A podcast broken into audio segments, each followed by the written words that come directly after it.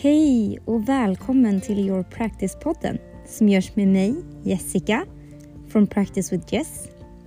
Är du redo att starta din självutvecklingsresa med holistiskt tänk och spiritualitet? Då har du kommit helt rätt. Här kommer jag dela med mig av tips, guidning och övningar som inspiration på hur du kan forma din egna practice så att du kan hitta din inner power och nå dina drömmar. Jag kommer dela med mig av allt från träning, spiritualitet och mycket annat inom wellness och hälsa. Jag är så tacksam att du är här och att jag får vara med på din resa. Nu levlar vi upp till vårt higher self.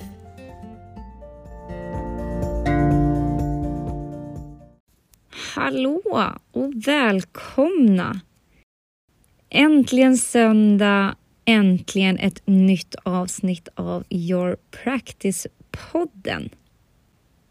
Vi är nu någon vecka in i temat och jag hoppas att ni börjar känna er lite mer grundande.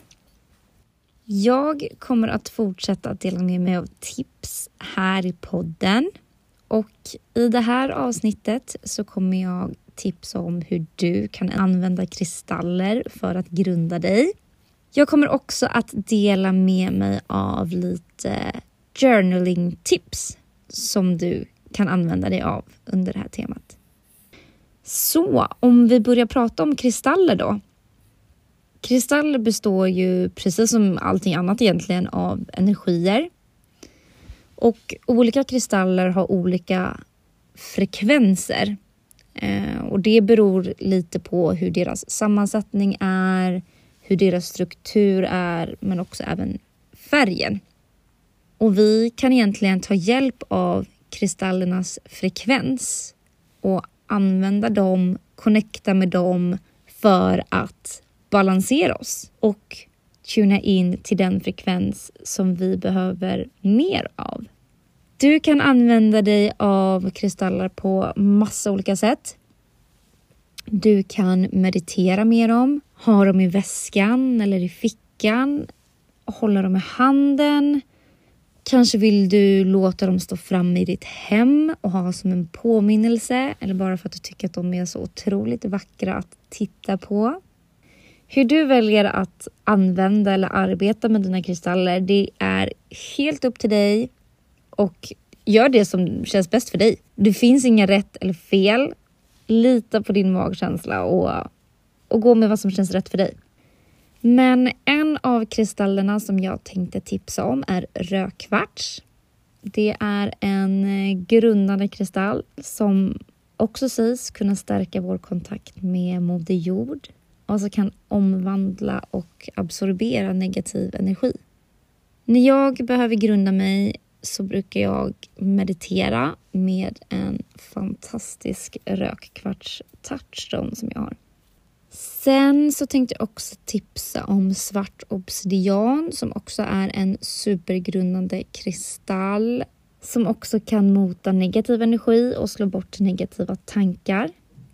Shungit är också en kristall som jag vill nämna. En grundande kristall som sägs kunna ge mer energi och som kan minska stress. Och den sägs också skydda mot elektromagnetisk strålning. Så jag har faktiskt en shungitpyramid på mitt skrivbord. Hematit sägs kunna hjälpa till att lindra stress och som kan få dig att gå ner i varv och bli mer lugn. Och det är precis det som vi vill åt nu när vi gör vårt grundningsarbete. Sen har vi svart turmalin, en riktig eh, protection-kristall. Jag har en stor rå svart turmalin i min hall och det är för att jag vill absorbera bort negativ energi som jag absolut inte vill få med mig in i lägenheten. Och för att ge ännu mer skydd så kan man också ruta in sitt hem och då kan du lägga en svart turmalin i varje ytterhörn hemma hos dig. Så det är en perfekt kristall för att hålla negativ energi och kritiska tankar borta. Den sista kristallen jag kommer tipsa om är faktiskt förstenat trä. Och den hjälper till att jobba med jordenergin och den sägs också tillföra en bit av naturens läkande energi. Och det känns ju som helt rätt energi nu när vi vill grunda oss. Det finns såklart fler kristaller som man kan använda sig av i sitt grundningsarbete, men det här är väl de vanligaste och som är hyfsat lätta att få tag i.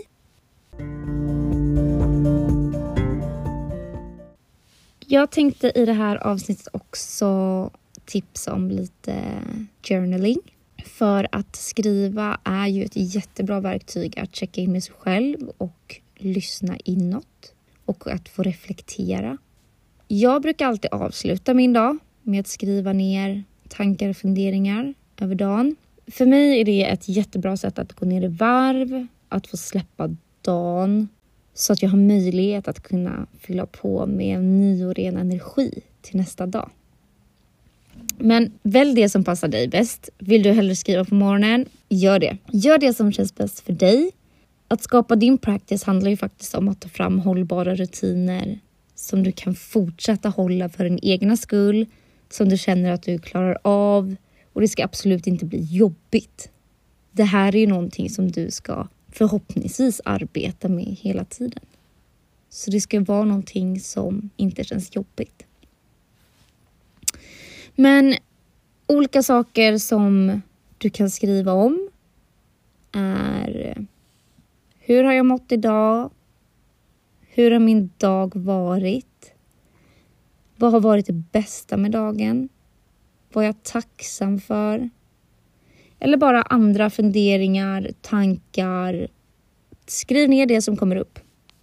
För mig är det här ett jättebra sätt att få rensa huvudet och bara få känna att jag släpper på det som finns inom mig. Jag hoppas att du har fått lite tips som du resonerar med i det här avsnittet och att du kanske använder dig av någon kristall kanske eller kanske använder dig av mina journaling tips och att du använder dem som ett sätt att connecta med dig själv så att du kan få en bra grund att stå på.